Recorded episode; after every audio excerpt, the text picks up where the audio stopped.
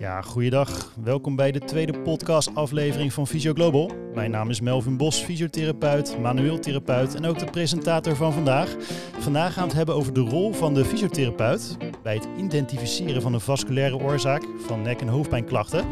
Bij ons in de uitzending is Nathan Hutting aanwezig als gastspreker. Hij zal zich kort introduceren en daarna gaan we door op de inhoud van het onderwerp. Welkom Nathan in de tweede podcast-aflevering. Ja, dag Melvin. Dank voor de uitnodiging. Ja, graag gedaan. Uh, allereerst ja, voor de luisteraars, zou je kort kunnen introduceren? Wie ben je, wat doe je? Ja, ik ben uh, Nathan Hutting. Ik ben uh, fysiotherapeut en manueel therapeut. op dit moment nog één dag in de week ook praktiserend als fysiotherapeut, manueel therapeut werkzaam. daarnaast ben ik onderzoeker bij het lectoraat Arbeid en Gezondheid van de Hogeschool van Arnhem en Nijmegen. dat doe ik drie dagen in de week en ik ben ook nog bestuurslid van de Nederlandse Vereniging voor manueeltherapie. Uh, richt ik me met name op de innovatie en de internationale contacten uh, die de NVMT heeft, met name binnen de IFOMT, de internationale organisatie voor uh, manueel therapeuten. Nou, dat is mooi om te horen. Druk bezig zo, begrijp ik, en zo te horen. nou ja, wat natuurlijk goed is wat betreft het onderwerp, is om eerst te starten met even wat facts en figures. Hè. Wat, wat speelt zo al ehm, wat betreft de getallen in Nederland en misschien ook internationaal. En dan vervolgens kunnen we ook daar dieper op ingaan. Um, ja, wat is er zoal uh, bekend uh, vanuit, vanuit Nederland?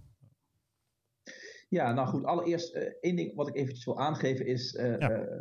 dat ik in deze podcast ehm, met name spreek vanuit mijn eigen uh, onderzoekservaring en de wetenschappelijke kennis die ik heb opgedaan. En dat ik niet zozeer spreek ook als bestuurslid van de NVMT. En die zaken moeten we eventjes uit elkaar halen, dat het mijn persoonlijke mening is. En dat kan soms wellicht verschillen wellicht van, uh, van wat het bestuur van de NVMT vindt. Dus dat eventjes van tevoren okay. aan te willen geven.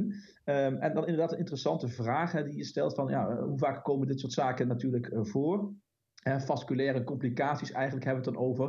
Uh, en dan hebben we het eigenlijk over de, uh, de ernstige complicaties, de serious adverse events. Um, we zien daar in de literatuur dat er wel een aantal case reports van gepubliceerd worden. wat we daarbij moeten begrijpen natuurlijk is dat het altijd wel een selectie is van de daadwerkelijke aantal serious adverse events die uiteindelijk gepubliceerd worden. En niet elk, elke case wordt gepubliceerd. En als we dan naar Nederland kijken, dan weten we dat in de periode van 10 jaar, en dat zijn dan de cijfers van de periode 2007 tot 2017, er eigenlijk uh, 23 ernstige complicaties zijn opgetreden ja. uh, binnen Nederland. En dat is dan uh, zowel bij manueel therapeut, bij fysiotherapeut, maar ook binnen de chiropractie en osteopathie en andere beroepsbeoefenaren. dus dat zijn 23 casussen in, in, in 10 jaar. En nou, dat is van de cijfers tot 2017, maar we weten ook de laatste jaren zijn er ook nog wel een aantal uh, serious adverse events hebben nog plaatsgevonden, ook in, uh, ook in Nederland. Oké, die, uh, die cijfers die je net aangaf, ja, dat zijn natuurlijk in ieder geval ja, duidelijke aantallen. Ehm, is, dat, is dat een um, representatie van de daadwerkelijke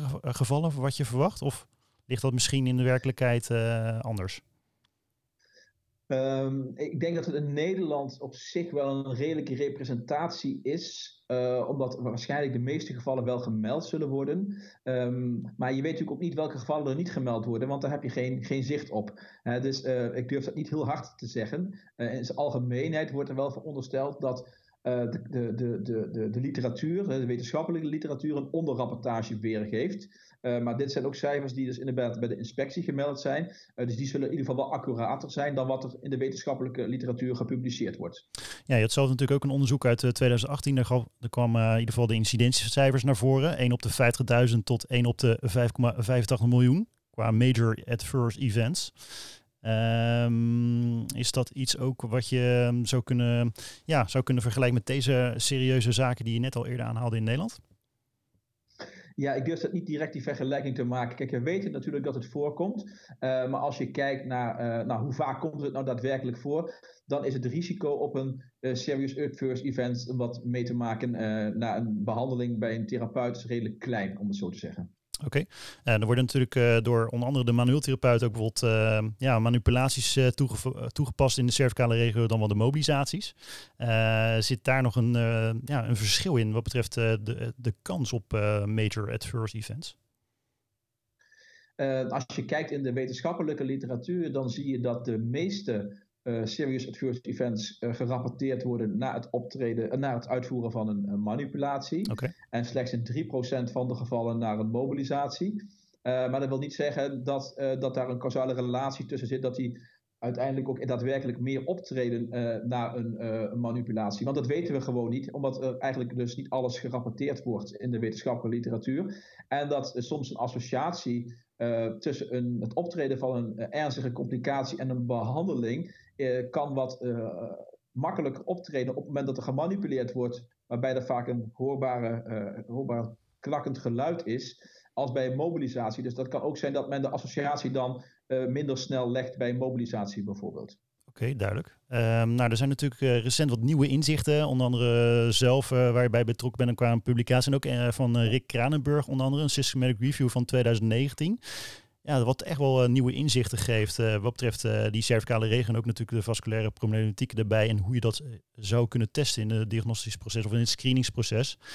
Um, laten we maar eerst starten met de Systematic Review van Kranenburg. Met de nieuwe inzichten met de hemodynamische veranderingen tijdens bewegen van de cervicale regio van de, van de nek.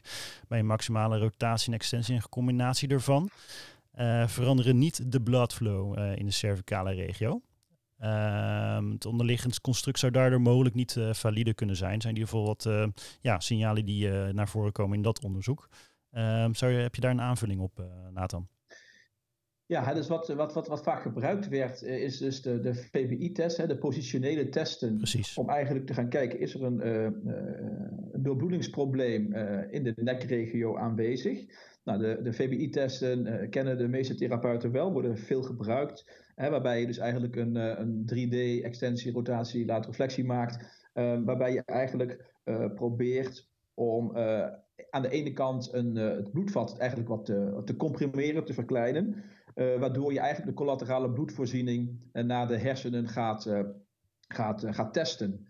Nou, we weten al van, van eerder onderzoek van Mitchell dat je dan eigenlijk niet alleen maar de andere arteria vertebralis test, maar eigenlijk de gehele collaterale bloedvoorziening, dus de gehele cirkel van Willis eigenlijk aan het testen bent. Dus niet alleen maar de, de, de, de tegenoverliggende arteria vertebralis. Um, maar wat we dus nou eigenlijk zien is dat, dat er wat twijfels zijn over het construct van die, van die VBI-testen.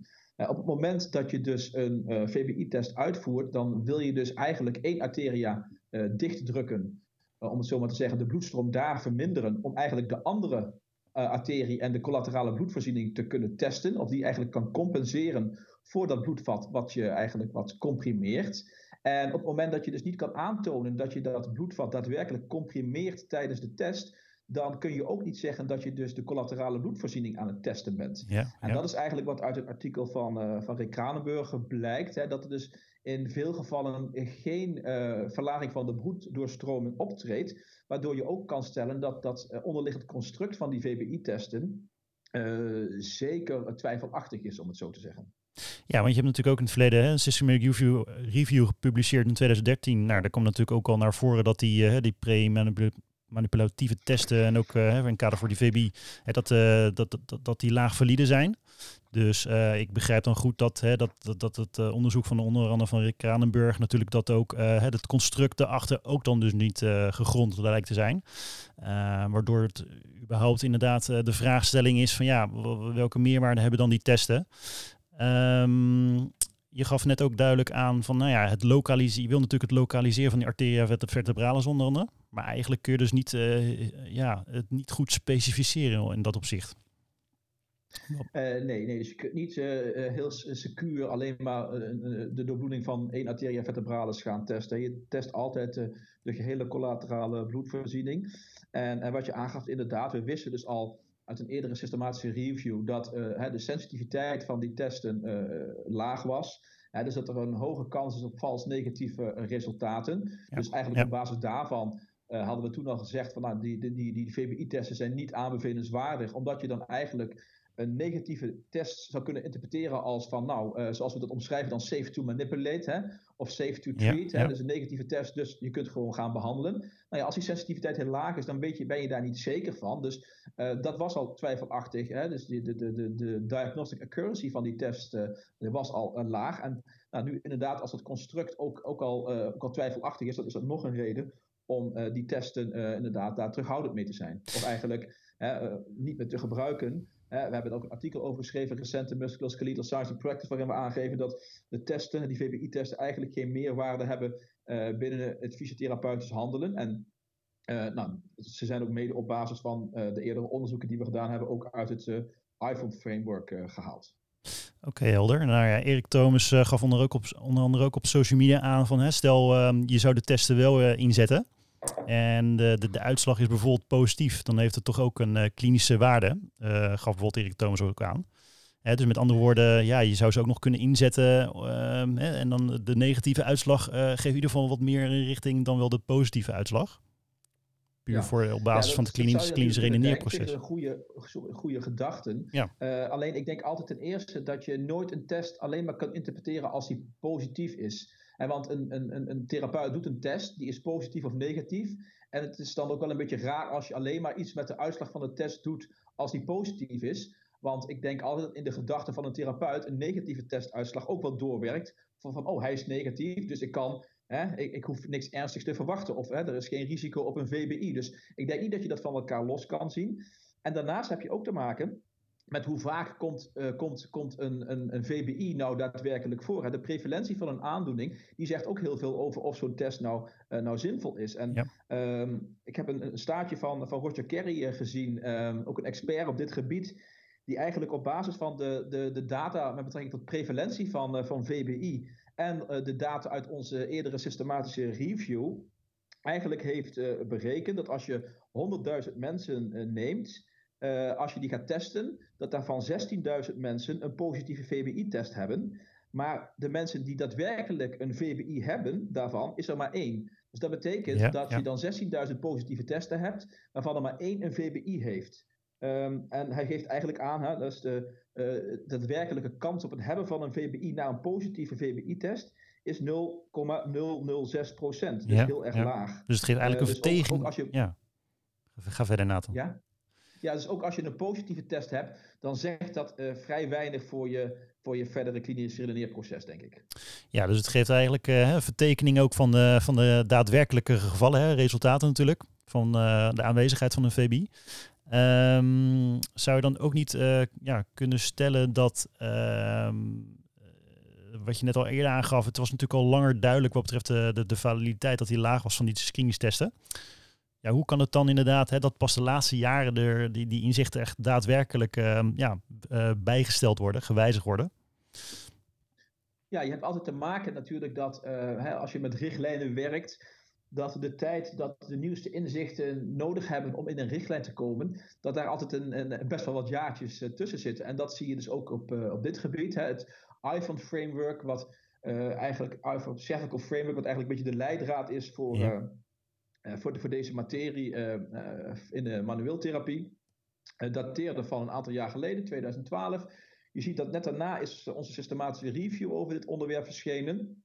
En pas recent, vorig jaar, is het iPhone framework heeft een update gehad. En dat betekent dus dat je in die tussenliggende perioden eigenlijk dus met oude, oude inzichten werkt in bijvoorbeeld het iPhone framework en wellicht ook in andere richtlijnen. Dus het is met name belangrijk om, als je kijkt naar updaten van richtlijnen, dat je dus ook kijkt van tussentijds is het zinvol om bepaalde richtlijnen en frameworks up te daten op basis van de nieuwste wetenschappelijke inzichten en daar niet mee te wachten tot acht of tien jaar later, denk ik. Duidelijk. Uh, nou ja, goed, samenvattend, de VIB-testen gaan in principe gewoon uit uh, op basis van ja, de, de, nieuwe inzichten. En natuurlijk ook de, de, de, de, de, de, de maat van validiteit daarvan.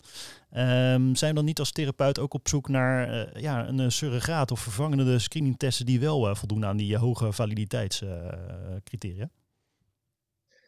Ja, kijk, het zou natuurlijk heel mooi zijn als we een test zouden hebben die, ja, die een een, een, onderliggend vasculair probleem of een VBI zou, uh, zou uitsluiten.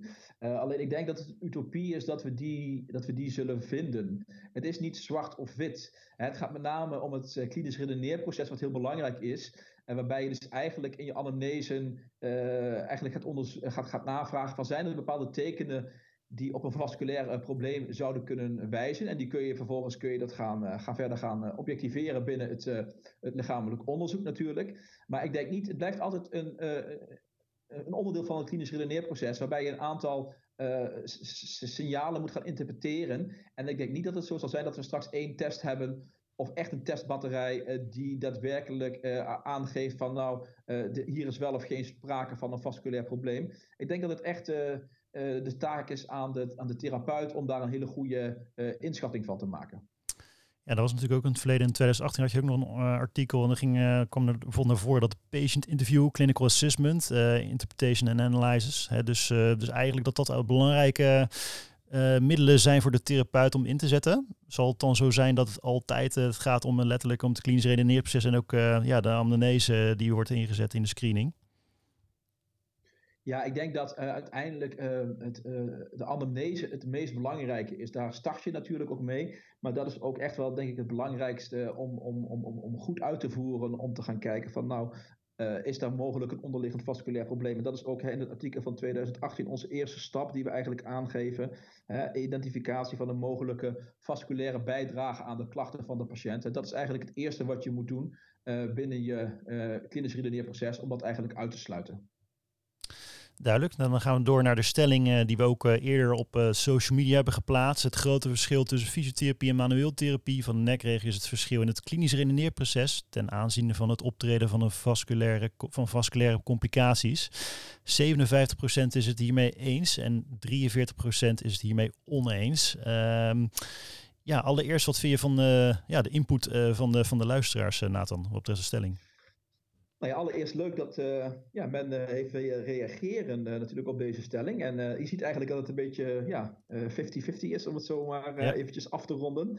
Ja. dus dat is zeer interessant, om het zo maar te zeggen. En wat denk ik belangrijk is, is bij deze stelling, is eigenlijk het onderliggende gedachtegoed van, nou, wat gebeurt er nou eigenlijk als een serious adverse event optreedt na een behandeling van een therapeut?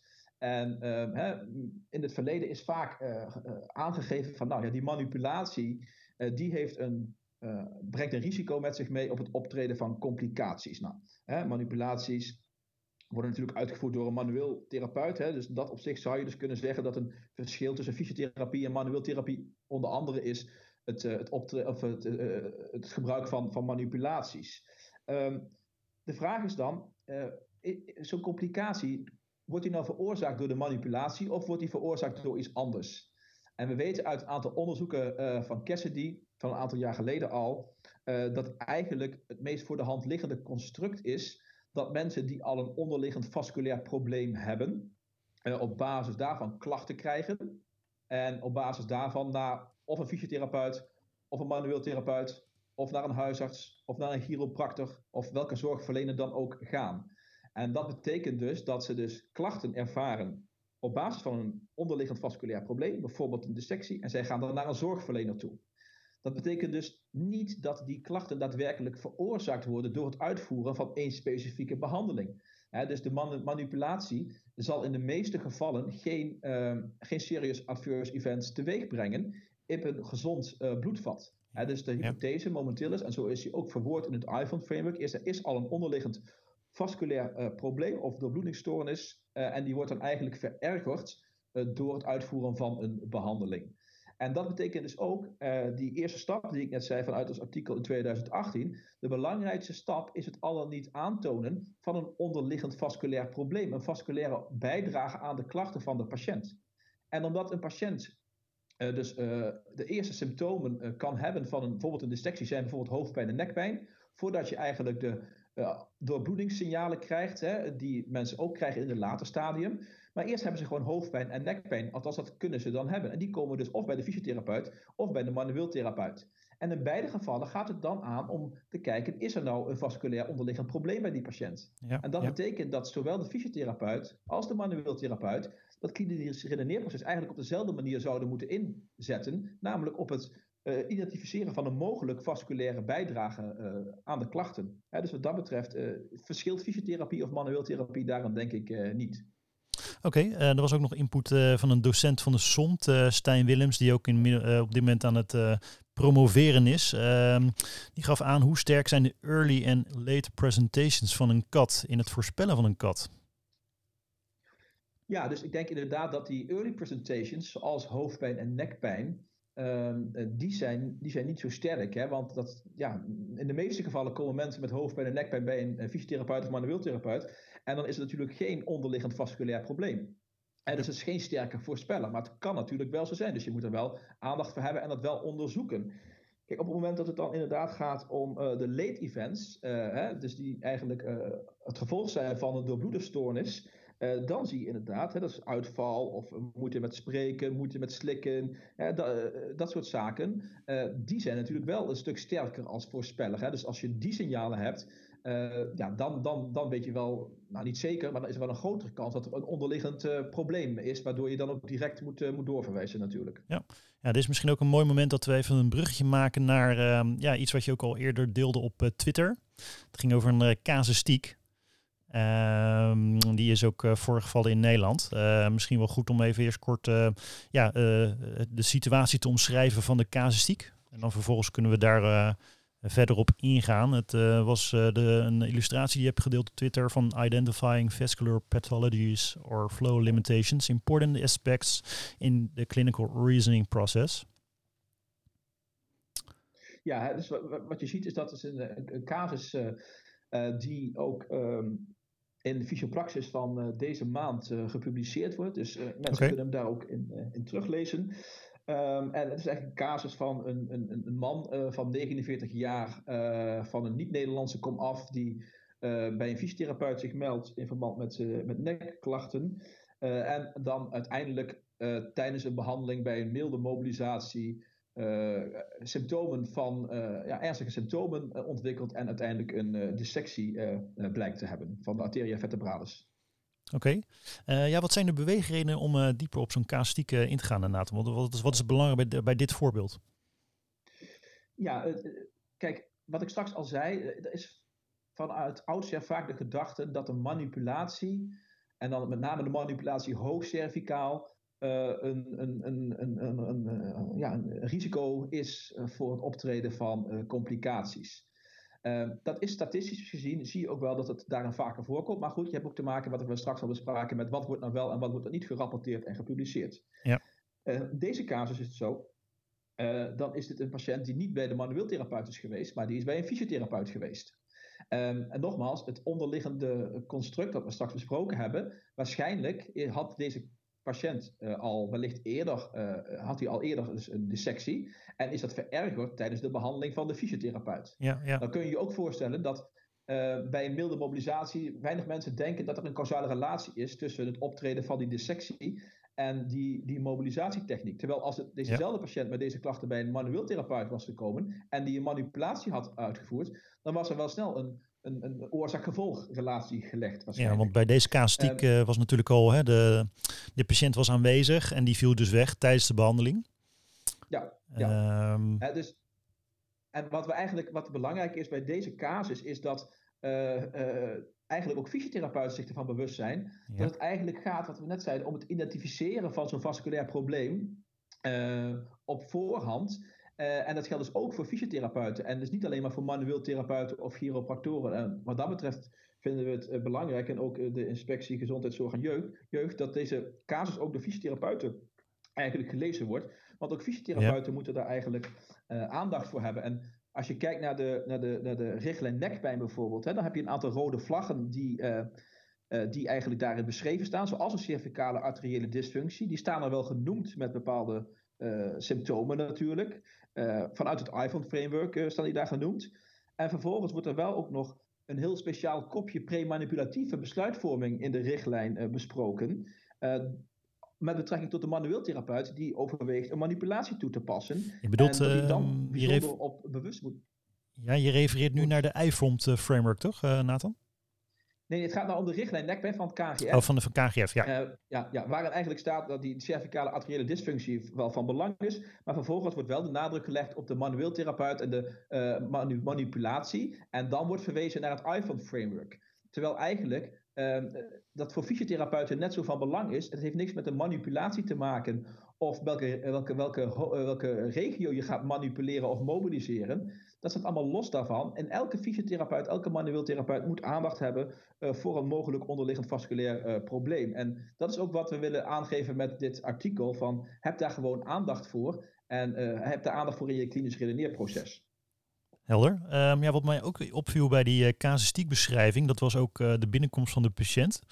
Um, ja, die was, dat is eigenlijk een casuïstiek uh, wat sowieso volgens mij wel vaker voorkomt in de alledaagse praktijk. Die was eigenlijk uh, mondeling, gaf de huisarts aangaan maar naar de fysiotherapeut. waarbij niet officieel een verwijzing is gegeven. Vervolgens was de screening wat betreft de rode vlaggen, kwam ook pas later in het traject tijdens die behandeling. Um, dat kwam ook mede door de lage gezondheidsvaardigheden. Het is natuurlijk een uh, patiënt van buitenlands komaf, die moeilijk was in de taal. Uh, allereerst dat punt wat betreft die verwijzing. Nou ja, die huisarts die gaf mondeling aan, gaan we naar de fysiotherapeut, zonder dat er officieel een verwijzing is. Um, heeft dat nog impact ja, in de mate van hoe je dan screent als therapeut? Ja, dat, dat, dat, dat weet, dat weet ik niet. Uh, ik denk wel dat je. Uh, dat gebeurt heel vaak natuurlijk. Hè? Patiënten uh, worden gewoon doorverwezen of niet doorverwezen. Maar het is vaak een beetje onduidelijk van hebben ze nou daadwerkelijk een verwijzing. Dus op het moment dat men geen papieren verwijsbriefje heeft, moet je het eigenlijk, ja, is het eigenlijk een DTF ja. natuurlijk. Ja. en dan moet je het ook zo behandelen. Aan de andere kant, ook al komt een patiënt met een verwijzing, dan moet je nog steeds gaan screenen op rode vlaggen en andere vlaggen en op mogelijk vasculaire problematiek natuurlijk. Dus ook dan moet dat natuurlijk gebeuren. En ik denk ook, we kunnen er niet van uitgaan dat een huisarts daar allemaal aandacht voor heeft gehad. Ook al is er een verwijzing natuurlijk. Dus ik denk zeker dat we daar ook eh, ons, ons, eh, ja, ons vak serieus moeten nemen. En los van het feit of er dan sprake is van een DTF of niet, zeker daar aandacht voor moeten hebben. Dus eigenlijk altijd hè, op dezelfde wijze die screening inzetten? Of nu de patiënt uh, op verwijzing is gekomen, ja of nee, of mondeling. Uh, daarnaast was er nog een tweede punt wat me ook op, opgevallen was, was natuurlijk de, de buitenlands komaf van de patiënt in de zin van hè, de, de, de, dat de taal moeilijk was. Uh, in het goed exact doorvragen wat betreft tijdens de screening. Um, hier kwam ook naar voren dat ja, een aantal rode vlag pas later uh, helder waren. Um, wat, zijn factoren die te maken kunnen hebben dat dan die screening daardoor moeilijker gaat? Wat is, wat is van belang bij als er bijvoorbeeld de taal een uh, problematiek kan zijn tijdens de screening? Ja, ja, eh, wat we ook gedaan hebben, overigens, op basis van deze casus, ook een artikel, een Engelstalig artikel geschreven hebben in Musculoskeletal Science and Practice. Ja. Uh, die is ook gratis geheel uh, te downloaden via de website van Musculoskeletal Science and Practice. Dus uh, dat geeft nog een wat meer, ehm, meer diepgang in deze casus. Waarbij we eigenlijk ook gekeken hebben naar hoe verhoudt zich deze casus tot het iPhone framework. Ja. een van de zaken die we inderdaad daarin ook aangeven, is dat communicatie natuurlijk heel belangrijk is. En in dit geval was het een man die dus niet de Nederlandse taal volledig uh, beheerste. En dan, dan is het natuurlijk best wel tricky om, om, om dingen goed uit te vragen. En, we kennen dat misschien allemaal wel. Dat, dus ik herken dat ook wel. Dat als je mensen hebt waarbij de taal gewoon moeilijk is. En dan uh, is het ook heel logisch dat je dan misschien iets minder diep ingaat op bepaalde zaken. Maar eigenlijk zou je dat dus toch op een heel goede manier moeten, moeten, moeten, moeten, moet, toch moeten uitvragen. En dan wellicht toch kijken of je dan toch een tolk of iets kan, uh, kan, kan regelen om in ieder geval geen misinterpretaties en misverstanden te krijgen. Dat de patiënt in ieder geval jouw vragen goed begrijpt en dat jij zijn antwoorden ook goed begrijpt. Dus dat is het eerste wat denk ik van uh, belang is. En een van de zaken die wij dan ook aangaven in dat artikel is dat heel specifieke vragen stellen uh, van belang, belang is. Hè? Want bijvoorbeeld deze patiënt ook, die werd eigenlijk ook gevraagd naar zijn, ja, zijn algehele gezondheid, hoe die was. Nou, dat was goed. Um, terwijl we denken van als je nou heel specifiek gaat vragen op medicijngebruik, op eerdere uh, pathologieën, uh, eerdere trauma's die er zijn geweest. Dus heel goed een aantal van dat soort zaken afkaart. Dan is het voor de patiënt ook meer duidelijk wat je nou precies wil weten. En een paar Twitter-reacties die ik ook kreeg op, op basis van een tweet die ik gedaan had, was ook inderdaad dat therapeuten dan vaak vragen: heb je onderliggende, hè, ben je gezond? Heb je onderliggende andere uh, klachten of aandoeningen, zeggen ze nee. En vervolgens krijg je wel een hele lijst met medicatie die ze gebruiken. dus de interpretatie van de patiënt, wat begrijpt de patiënt uit jouw vraag, die kan soms ook nog wel eens een probleem zijn. Dus daarom zeggen we eigenlijk heel specifiek vragen stellen is eigenlijk van, van groot belang om zo'n misverstanden te, te voorkomen. Eén ding is wel belangrijk om aan te geven, dat in dit geval dus de patiënt achteraf toch echt wel uh, vasculaire problematiek al bleek te hebben. En dat is eigenlijk onvoldoende uh, duidelijk geworden in, in het hele proces. En waar dat nou precies aan ligt, dat, dat is ook een beetje onduidelijk.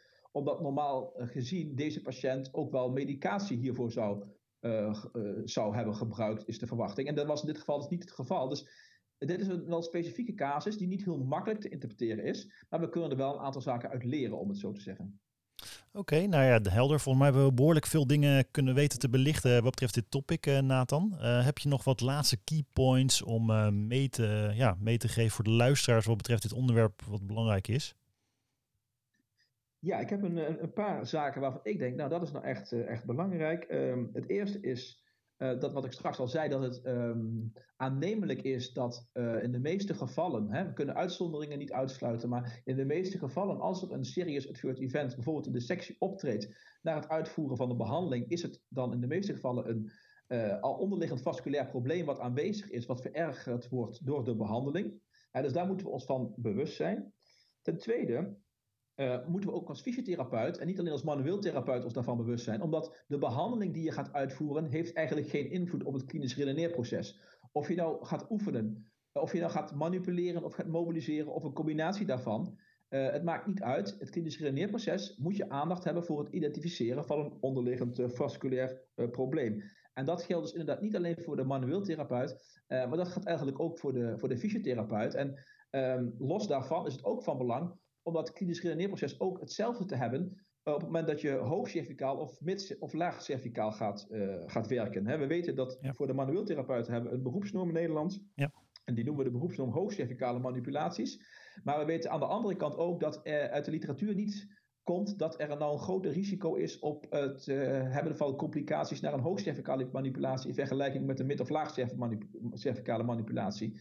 Uh, dus ook daarvoor geldt, ook voor het klinisch redeneerproces voor een mid- of laagcervicale manipulatie, moet je aandacht hebben en uh, in je achterhoofd houden dat er mogelijk een vasculair uh, probleem ten grondslag aan de klachten van de patiënt kan, uh, kan liggen. Oké, okay. nou dat zijn een mooie punten Nathan. Um, hoe kunnen mensen jou nog bereiken voor vragen? ja, ik ben in ieder geval op social media. Dus als je mijn naam intoept op, typt op LinkedIn of op Twitter, dan vind je mij en dan kun je me heel makkelijk bereiken en dan kunnen we contact hebben met vragen. Oké, okay, nou bedankt voor je bijdrage Nathan. Uh, voor deze podcast. Heel belangrijk onderwerp uh, om over te hebben. En uh, nou ja, goed, ik, ik kan me voorstellen dat het veel mensen dit boeit, in ieder geval qua onderwerp. Ja, dat was... Ja, ik hoop dat mensen het interessant vonden. Ja, dankjewel nogmaals. ja, dat was Nathan Hutting, bestuurslid NVMT, MO-delegate van de iFond en ook wetenschapper van de HAN. En ook nog deels nog werkzaam in de praktijk. Heb je meer ideeën over onderwerpen of interessante sprekers? Zet ze dan op de chat op social media van Visio Global. Nathan Hutting kun je ook bereiken via social media, gaf hij net aan. En vergeet ons ook niet te volgen op uh, LinkedIn, Facebook, Twitter en Instagram.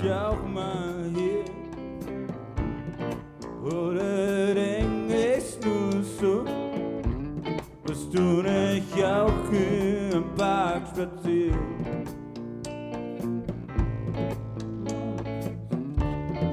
running foot. Whoa.